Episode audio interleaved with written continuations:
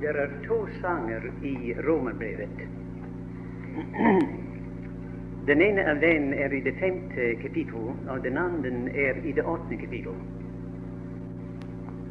Og jeg tenkte nå mens jeg satt her, at før disse store vanskeligheter melder seg, som vi har hørt om i aften, til det sjette kapittel som Line har talt over i aften, er meget vanskelig for de fleste troende.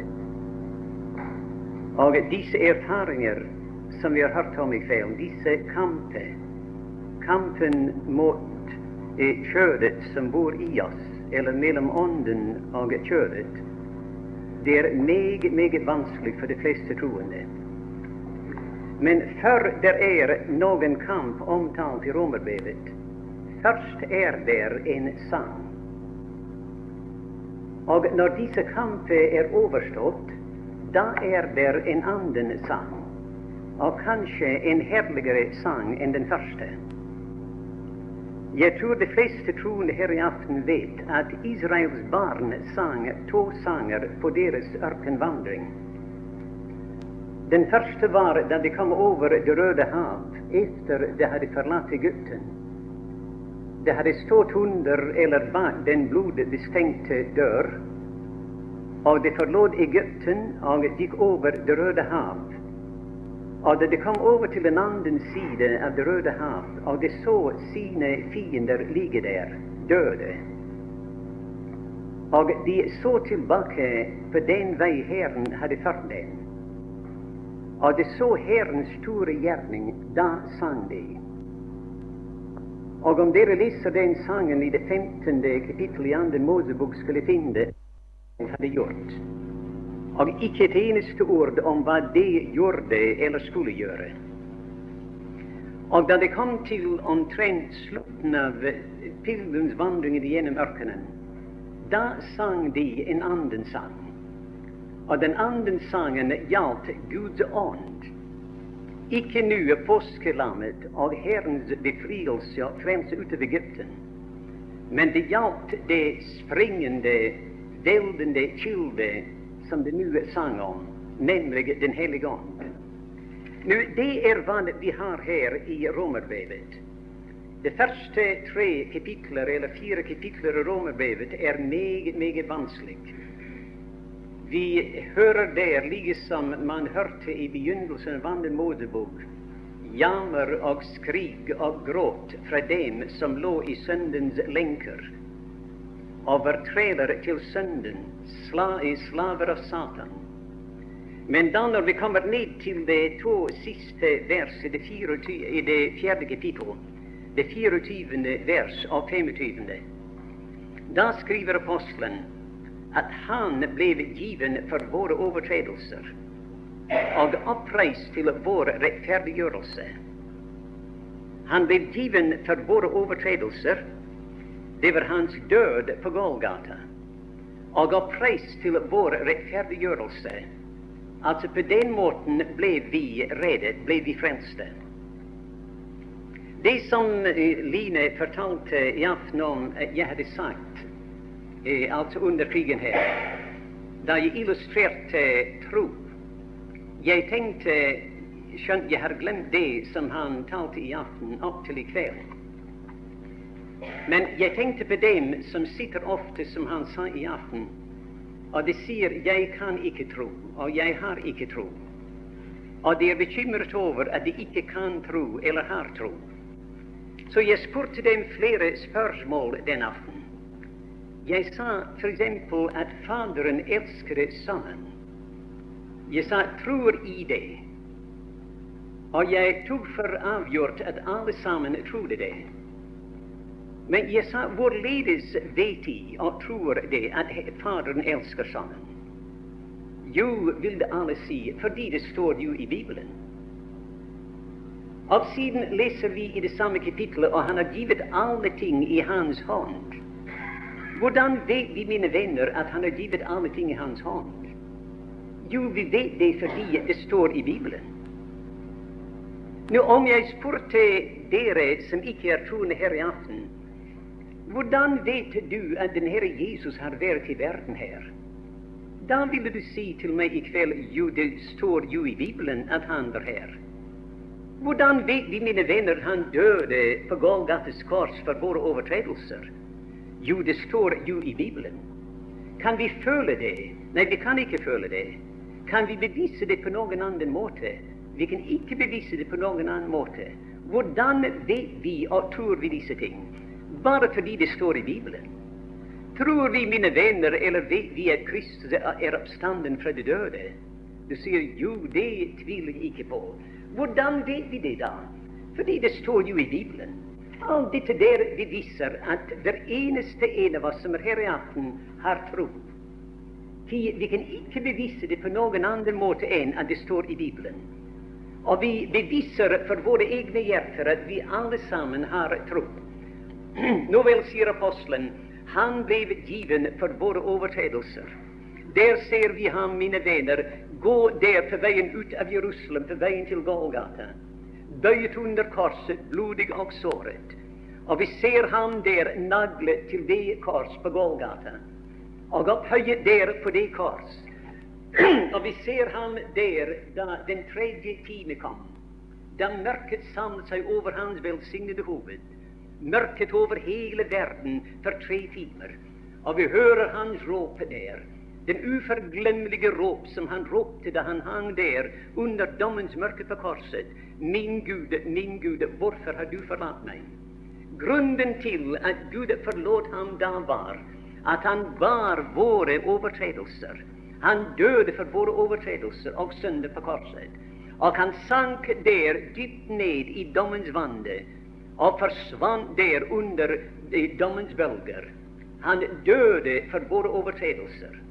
Og vi står der som, som vi står der ved Golgata. Vi ser våre sønner liggende på ham der. Vi ser ham bøye sitt velsignede hoved der på korset. Vi hører ham råpe 'Min Gud, hvorfor har du forlatt meg?' Og vi ser ham lagt i en grav. Og da kan vi gjerne si, som vi står der og venter, 'Min Gud, om han kommer tilbake igjen, da er jeg rettferdiggjort.' Kommer han ikke tilbake igjen, da er jeg fortapt. Mine sønner lå på ham der. Og nå går han inn, inn i graven med like som våre sønner på seg. Om han kommer tilbake igjen, da er jeg rettferdiggjort. I gamle tider i England iallfall, og antagelig her, da de straffet enkelte tyver eller de som er i gjeld og slik, de måtte gå til fengselet. Og det var somme tider det har hendt at en eller annen kunne få en stedfortreder. For eksempel her er en som skulle sitte i fengsel en lang tid. En annen går og sitter der istedenfor ham. Og en dag når denne som skulle ha vært der, men fikk en stedfortreder, som han går ned langs en gate der ser han fengselets dør åpen, og der kommer hans stedfortreder ut. Nå kan denne mannen si nå er jeg ganske, ganske fri. Jeg er rettferdiggjort. Alt sammen er ordnet. Min stedfortreder har gitt til loven alt som loven krever det, og der er han fri, og derfor er jeg fri. Denne Guds mann, eh, Macintosh, som de fleste her i aften kjenner til, han skrev en forklaring over de fem Mosebøker, og er kjent over hele verden av den grunn. Da Macintosh en gang i England en skattoppkrever kom omkring, som de gjorde den gangen, og oppkrevde skatten fra folket, og det kom til Macintosh, og denne gudsmann betalte skatten sin, og da som han betalte den og fikk kvitteringen tilbake, sa han til vedkommende oppkrever, det er velsignet, sa han, ikke å skylde noen noe. Ja, sa han, men uh, det er ikke mange som kan si det, sa han. Men jeg kan si mer enn det, sa Macintosh. Jeg skylder verken Gud eller mennesket noe. Ja, det var veldig meget å kunne si, sa han. Men jeg kan si samme ting, sa han.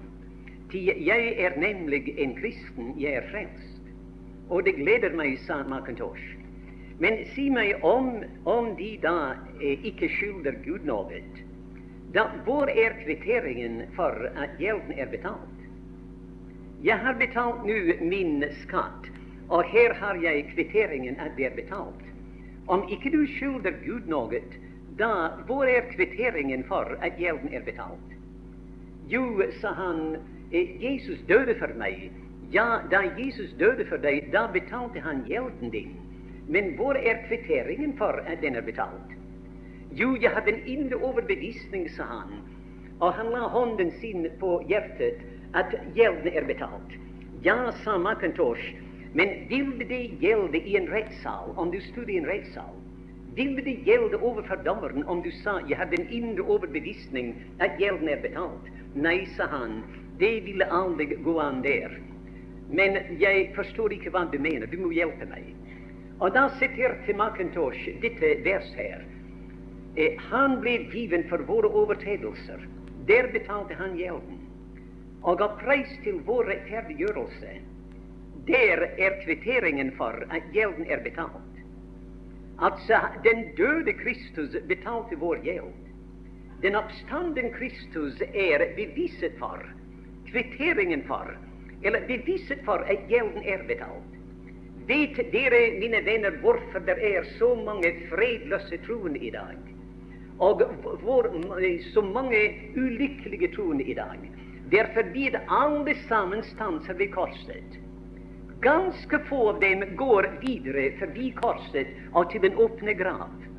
Når man hører på vitnemøter, f.eks., der 'jeg takker Gud at Kristus døde for meg', og 'jeg tror på blodet', og 'jeg vet han døde for meg', og der stanser det.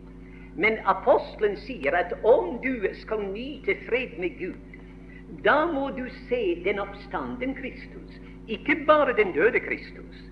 Til så snart som apostelen har stadfestet at Kristus døde for våre overtredelser og har preis til vår rettferdiggjørelse, da begynner sangen. Da vi altså er rettferdiggjorte av troen, har vi fred med Gud ved vår Herre Jesus Kristus. Så snart, mine venner, vi ser at han er kommet ut av fengselet, at han er kommet ut av, av døden, har sprengt gravens porter. Jesus lever, og graven bras. Og at Kristus for til himmelen, og da han kom til himmelen, ingen var mer velkommen inn i himmelen enn han var. Men sett f.eks. at våre sønner hadde vært på ham fremdeles. da ville hver eneste dør inn til Guds rike ha vært lukket. Himmelens port ville ha vært lukket. Sønn kan ikke komme inn i himmelen. Men sønnen, mine venner, var fjernet og så fullkommen fjernet. Som jeg sa, tror jeg, siste gang jeg talte her, at i det første kapittel i Hebreerbrevet vi leser der han gjorde renselse for våre sønder, altså der hans død på korset, og han satte seg ved majestetens høyre hånd i det himmelske. Han steg fra korset og satte seg på tronen. Så fullkommen er synden renset bort at korset er like helig som tronen. Og Den hellige ånd skynder seg forbi de tre dager han lå i gravene der. Og skynder seg forbi de 40 dager han vant på jorden her. Og han sa han gjorde renselse for våre sønder, og han satte seg ved majestetens høyre hånd i det høye. Nå vel, så snart, mine venner, som det ble klar for sjelen, da begynner sangen. Nå, Det er tre sider til denne lille sang her i de to første vers i det femte kapittelet i Romerbrevet. Vi finner her den troendes fortid, og den troendes nutid og den troendes fremtid. Altså, den troendes fortid er at vi er rettferdiggjort ved troen. Nå, hva er rettferdiggjørelse?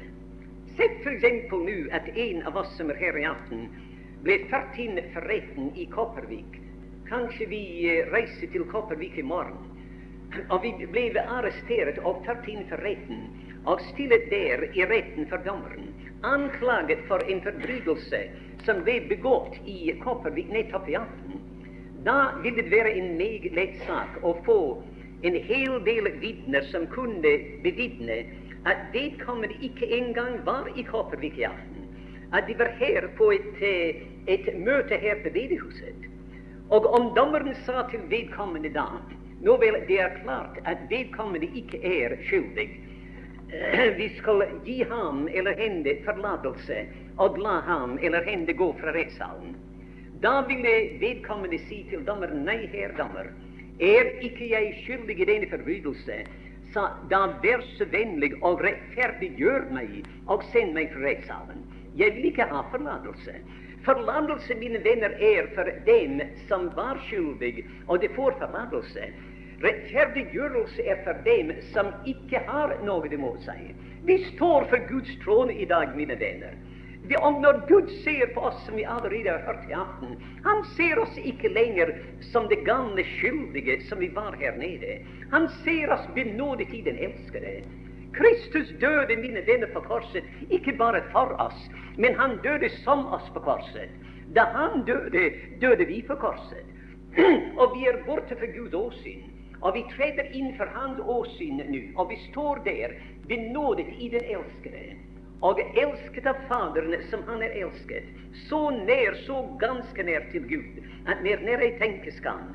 Til nå er vi ute i Hans Sønn. Vi er så nær som Han. Det er rettferdiggjørelse. Rettferdiggjørelse, mine venner, er ikke forlatelse.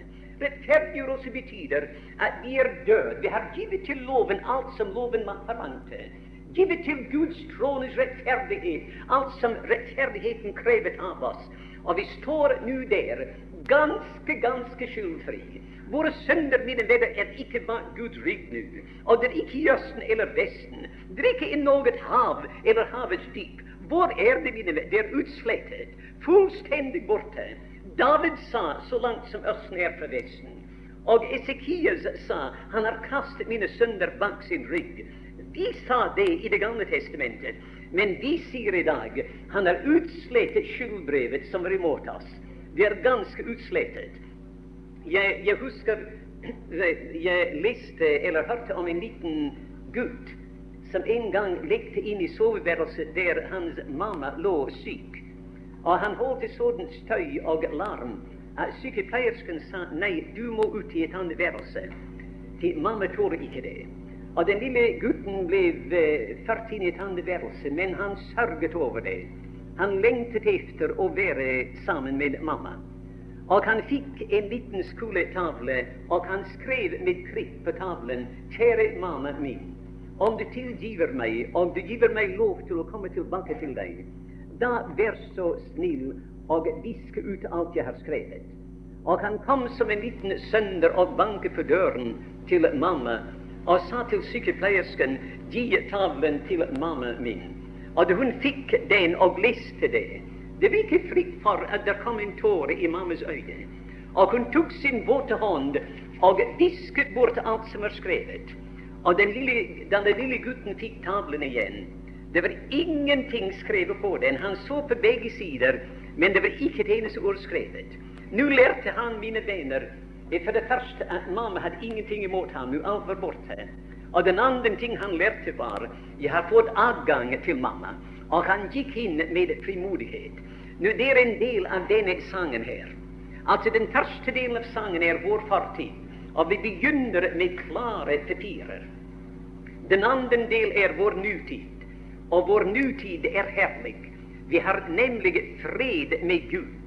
Og vi har adgang til denne nåde i hvilken vi står. Vi har fått adgang til selve dommerens nærværelse. Jeg hørte en gang om en, en av de gamle eh, russiske keisere som ble vred på en av sine hoffmenn, og eh, han fengslet ham.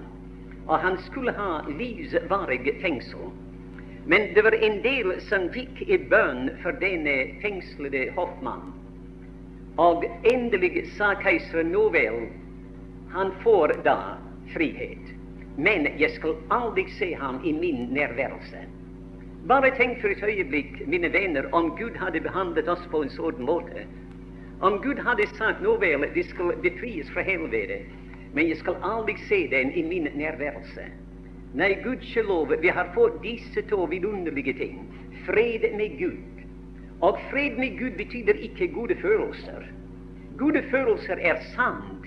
Fred med Gud er en klippe. Fred med Gud, mine venner, er ikke en, en, en tilstand, men det en stilling. Det er noe som ikke kan rokkes. Det betyr at hele veien opp til Guds trone altså er det ingenting mellom min sjel og Gud. At alt sammen er klart helt opp til tronen. Det er ikke alltid klar den veien ute i, iblant mennesker, men opp til himmelens trone er alt sammen klar. Og det fins ikke noe mellom den sjel og Gud. Det er fred med Gud. Og da har vi adgang i denne, inntil denne nåde i hvilken vi står. Tenk vi står i yndest hos Gud. Hva slags nåde står vi? Jeg skal si det, det høyeste verset i hele Bibelen, hva vi angår, er det sjette vers i Efeserbrevets første kapittel, der vi leser at Han har benådet oss, ført inn oss inn i yndest i den elskede, brakt oss inn for, for sitt eget åsyn i sin elskede Sønn. Det er den stilling i hvilken vi står. Vi står i nåden. Og da den siste delen av disse to verser, vi ser inn i fremtiden, og vi sier at 'jeg roser meg av håp om Guds herlighet'. Jeg kan tenke meg om det var folk, troende altså, som levde den gangen eh, sammen med Paulus, som der lever i dag. Jeg kan tenke meg de ville si til Paulus nå, Paulus, nå er du en skyskraper.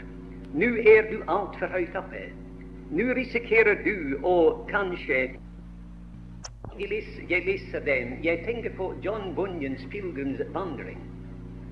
Dere som har lest 'Pilgrims vandringen', skal huske da, da pilegrimen kom til det bjerg som heter Golgata, og han kom der med den tunge byrde hvilende på seg, og han besteg bjerget, gikk forbi den åpne grav og så på et kors som sto der. Da brast båndene som bandt byrden til ham, og byrden rullet ned av bjerget og forsvant i den åpne grav, og han så det ikke mer. Og sang han av bare glede. Og som han sang med tårer strømmende ned fra hans øyne, til det var som om tårekildene brast i hans da sang han, Å, hvilket sted er dette? Begynte skulle her min salighet. Her briste båndet, byrden falt av. Og der velsignet kors, velsignet grav. Men mest velsignet Han som derpå leder for. Nå vel, pilegrimen kom forbi korset da, og kom over denne, det bjerg som heter vanskelighet. Og da kom han til et hus som heter skjønnhet, et slott som heter skjønnhet. Og han ble mottatt der med megen gjestfrihet og vennlighet. Jeg tror slottet skjønnhet er, er Bibelen som vi har i våre hender, så full av herlige verser. Og den aften etter aftens måltid, da ble han anvist et værelse der han skulle tilbringe natten. Og værelsets navn var Fred. Og han la seg der i værelset Fred. Og værelset Fred hadde bare et eneste vindu, og det så ut mot soloppgangen, imot høsten. Som han lå der altså, bak ham var korset, og foran ham var den evige solens oppgang, den morgen uten skyer, som den klarskinnende eter regn. Og midt imellom korset og den herlige soloppgangen i fremtiden lå han i fred, i deres fred. Og da han vågnet om morgenen, sa han, Å Jesu kjærlighet, behandler du syndere på den måten at jeg tilgives, og på dette sted, så nær ved himmelporten alt tør dvele. Pilegrimen mente jeg bor her akkurat ved himmelens port. Du vet, det er mange som jeg allerede har sagt for et øyeblikk siden. De sier at det der er altfor store ord å ta i, i munnen. At jeg roser meg av håp om Guds herlighet. Du vet, de aller fleste troende her i Norge endog, jeg har truffet mange av dem, særlig predikanter, de mener at vi, det var ganske sikkert vi ble frelst den gangen vi trodde på Kristus. Det er mindre sikker at vi blir frelst på veien pga. våre mange vanskeligheter. Og det er enda mindre sikker når vi ser inn i fremtiden. Men apostelen, mine venner, han snur det hele opp og ned. Og han sier her at vi ble frelst, rettferdiggjort, aldeles klar, som om aldri en eneste klage imot oss. Det er begynnelsen. Og i fortsettelsen bor vi i verdens fred. Og vi har adgang til denne nåde i hvilken vi står. Og da som vi står der, mine venner, da kan vi se oppad mot himmelen og ser himmelens dør står åpen. Og vi synger der for våre hjerter.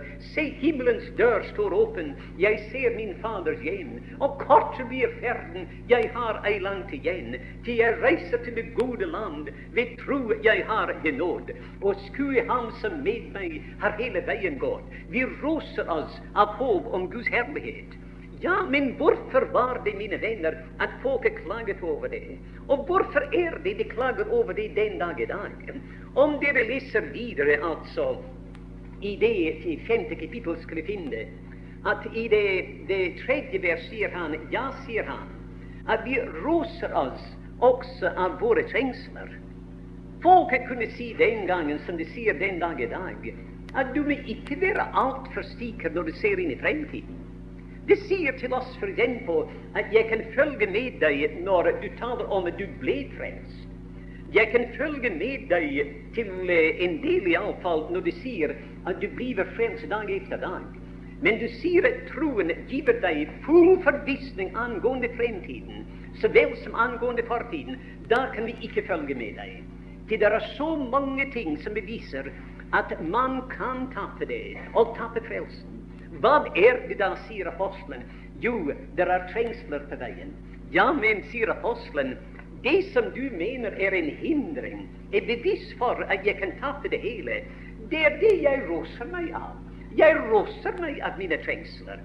Til trengslene virker tålmodighet, og tålmodigheten er prøvet sinn.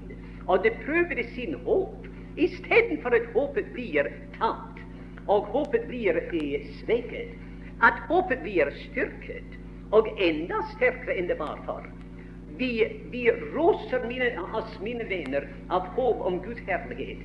Ingenting kan berøve oss av det. Det er da den første sang som vi synger. At les Romerbrevets første fire kapitler. Se all det mørke der. Hør de fangernes skrike der. Se tårene av, av de som er ført inn i Guds rettssal der.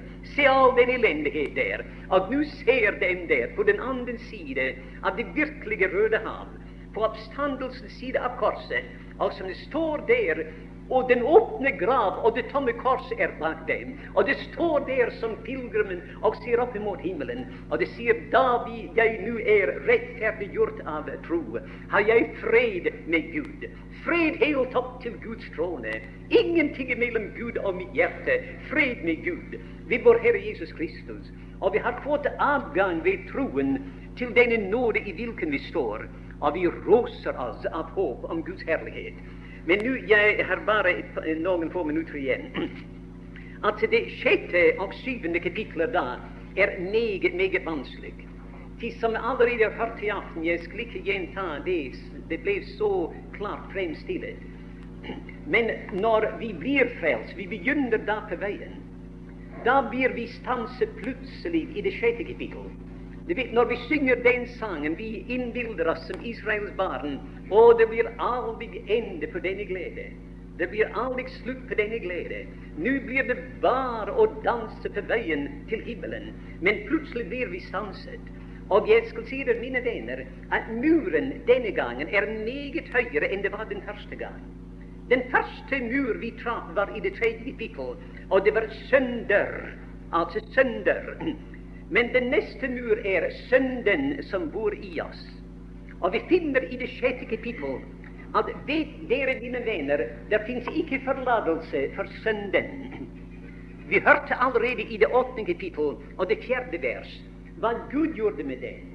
Det var ikke at han tilgav den, men han fullbyrde dødsdommen over den idet han sendte sin sønn i sin syndekjødlidelse og for syndens skyld, eller som et offer for synd, han fullbyrdede dødsdommen over det i kjødet. Det er grunnen til, om det er noen her som kanskje har lest det som har gått igjennom viserne, at det er folk, mine venner, i 1955, og de bor her i et land som kaller seg et kristent land, og de lærer at små børn fordi de ikke har fått bandet på seg når de er barn, ikke døpt når de er barn, at de går til helvete. Jeg skal si dere, mine venner, bevisset for at disse kjære små barn de dør i Afrika i millionervis, i Kina i millionervis og i Indien i millionervis. Og det dør over hele verden i millionervis, disse kjære små, før de kommer til sjelalderen. Det har aldri syndet i livet. Synden bor i dem. Men skal de gå på grunn av at synden bor i dem? Nei. Skal noe menneske noensinne gå til helvete på grunn av at synden bor i dem? Nei, mine venner. Den saken er ordnet. Se der Guds land som bærer verdens synd. Ikke synder, men verdens synd. Synden som kom inn i verden gjennom Adam, den første Adam, den saken er ordnet. Gud har fullbyrdet dødsdommen over deg i personen av sin elskede sønn. Og derfor det lille barn som dør uten å komme til sjelealder, det, det barn går rett til himmelen. Gud har ordnet den saken. Og det lille barn går til himmelen, mine venner, i fullkommen rettferdighet. Gud er rettferdig når han tar det til himmelen. Den saken er ordnet. Men hva er det når vi kommer imot denne vanskelighet?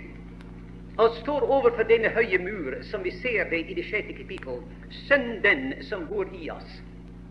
Hva er det som befrir oss fra det? Du kan lese lenger ned i det kapittel, i det, i det, i det, i det syvende vers. Til den som er død, er rettferdiggjort for synden. Altså i det sjette kapittel synden er fremstilt som en, en slavehandler og han pisker sine slaver og pisker dem ubønnhørlig til å begå synd. Hva er det da som kan befrie disse fanger fra synden? Det eneste ting er døden. Og sier du, må jeg dø da før jeg får befrielse fra synden som bor i meg? Nei, mine venner. Men Kristus døde, og vi dør i ham og med ham. Og derfor den som er død, er, er rettferdiggjort for synden. Slavehandleren eller slavemesteren står opp en morgen for å piske sin slave, og han sier, 'Min kjære, der ligger han død. Jeg har ikke mer å si til den slave. Han er død. Han er utenfor mitt område nå.' Og inntil vi erfarer det, eller opplever det, da kan vi ikke gjøre negen fremskritt på veien gjennom verden som kristne. Du husker den første hindring til Abraham. Altså den første hindring til ham at han kunne vandre her som en pilegrim. Du husker at Gud sendte ham, kalte ham ut av landet og sa nå gå til det land som jeg skal vise deg. Og istedenfor at Abraham gikk og uh, tok sin hustru med seg, da leser vi da gikk Tara og tok Abraham med seg. Altså det gamle mennesket ville lede.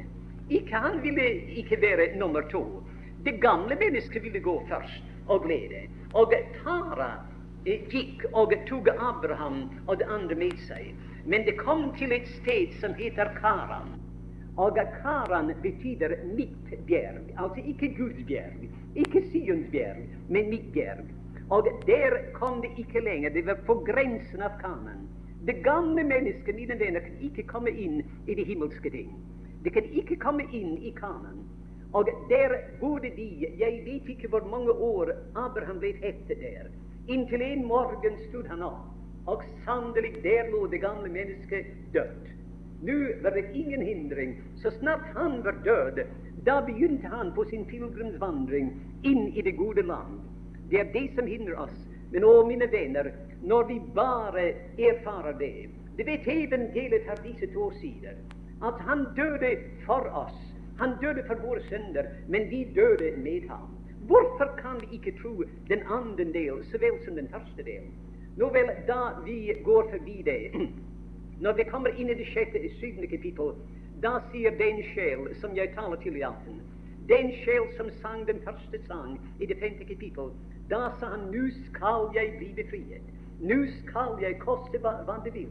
Og han sette seg ned der med speilet i sin hånd, og han stirrer inn i seg selv. Stirrer inn i seg selv i det speilet. Og jeg tror, om du leser fra det 14. vers i det syvde kapittel, skal du finne at jeg tror 37 ganger over sier han 'jeg' og 'jeg' og 'meg' og 'mitt' og 'mine' hele veien ned. Og han prøvde alt. Han så inn i seg selv, altså. Han ville være fullkommen. Han ville få seier over det her, synden som bor i seg. Han ville ha fullkommen helliggjørelse. Inntil endelig han kom ned til det vers, det nest siste vers. Og han råper ut i fortvilelse. Jeg elendige menneske, elendige menneske, hvem skal fri meg fra dette dødens legeme?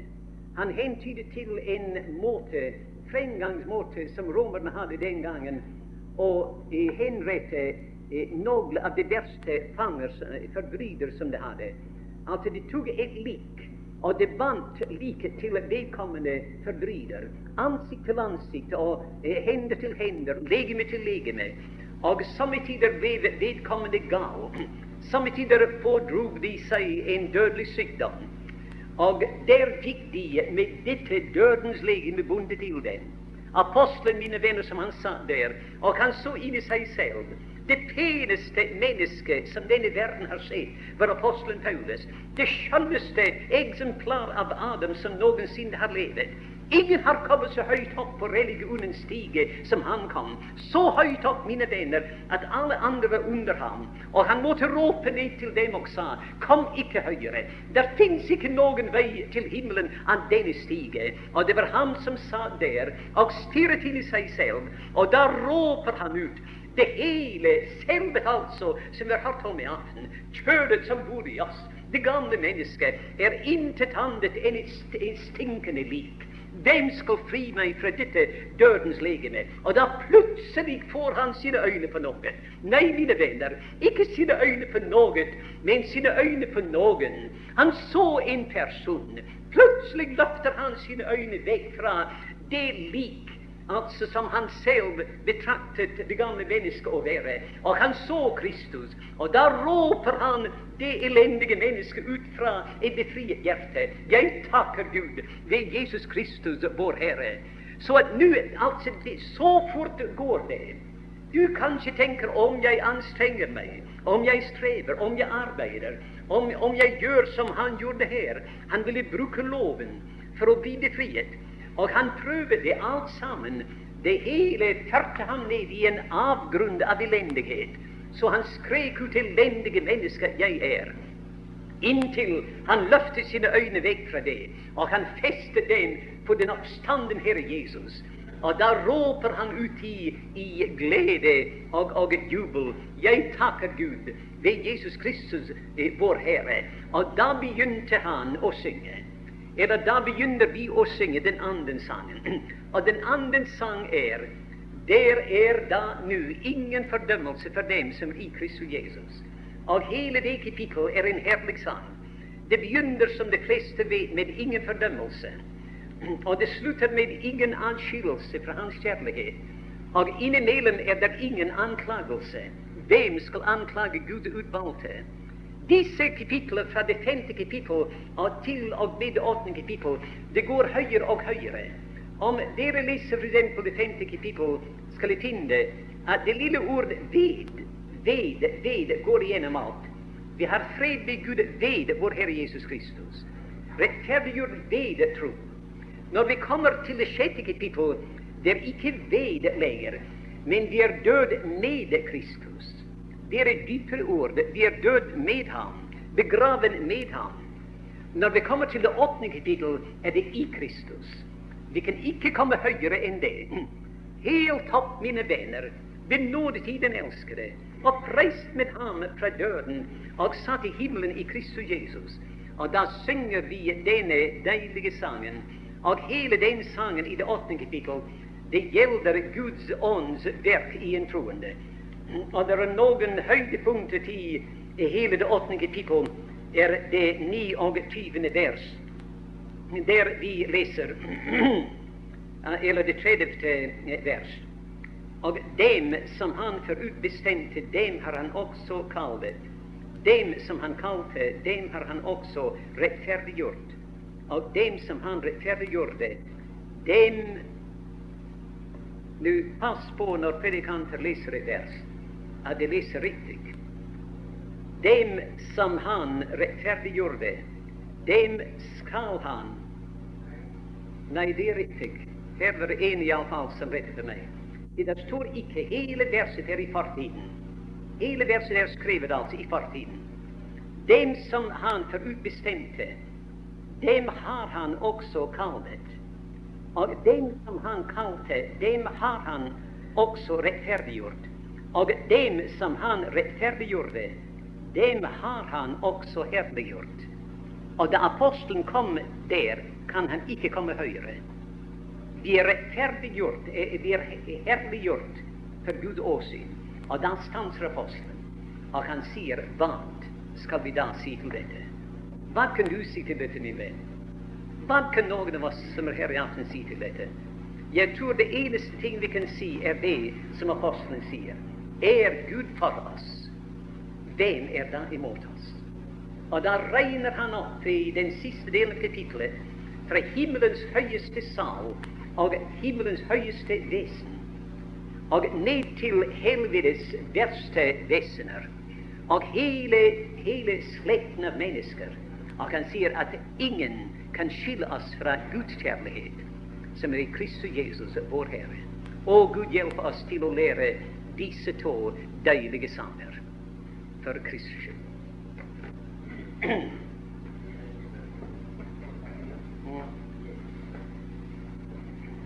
Ja, vår Gud og vår Fader, vi bøyer våre hjerter igjen i din hellige nærværelse. Og vi priser deg, Fader, at den vei inn i det aller helligste er åpen for oss. Og der fins ikke den makt i himmelen eller på jorden eller under jorden som kunne lukke den veien. Den veien ble åpnet den gang da din elskede sønns blod rant for oss på Golgata den nye og levende vei. Vi priser deg, Fader, for bevisstheten om at det er ingenting som så gleder ditt hjerte enn når dine barn befinner seg der, bøyer for nådens trone, og kan løfte sine øyne opp til deg og si 'Min Fader', og takke deg og prise deg og tilbede deg. Vi takker deg, vår Gud, for for erfaringen av din nærværelse i kveld. Til vi har erfart den fra begynnelsen av, at du har vært nær. Og vi ber deg disse grunnleggende sannheter som vi har hørt i aften, skal bevirke den befrielse i hjerter og sjeler og liv her i aften, som du har bestemt det til. Det er mange vår Gud her i aften mange kjære troende som lenges etter å nyte fred med deg. De har trodd på din Sønn, men det mangler nydelsen av fred. Og vi ber deg, vår Gud, la dem se den oppstanden Kristus. La dem se Ham som bar deres synder, deres dom og deres død på Golgata. At han ikke lenger er i døden, men han er på det aller høyeste punkt i hele, hele ditt univers. Han sitter på din uskapte trone, har gått inn i din uskapte herlighet og sitter der. Og vi priser deg, vår Gud, at han gikk der etter fullendt verk. Og det verk som han har fullendt, var vår forløsning, vår frelse, vår synders renselse. Og da satte han seg ved din høyre hånd i det høye. Skriv disse sann sannheter inn på alles våre hjerter. Gjør dem til levende virkeligheter for oss. Vi takker deg, Fader, for stunden. Og vi ber deg at om det er noen her i aften som ikke kjenner deg, Herre Jesus, som aldri har hatt et personlig møte med deg, vil du åpne også deres hjerter ja, som det åpner Lydias hjerte til å ta imot ordet og ta imot budskapet. Vi ber deg om dette. Vi giver deg vår takk og lov og pris i Kristi verdige navn. Amen.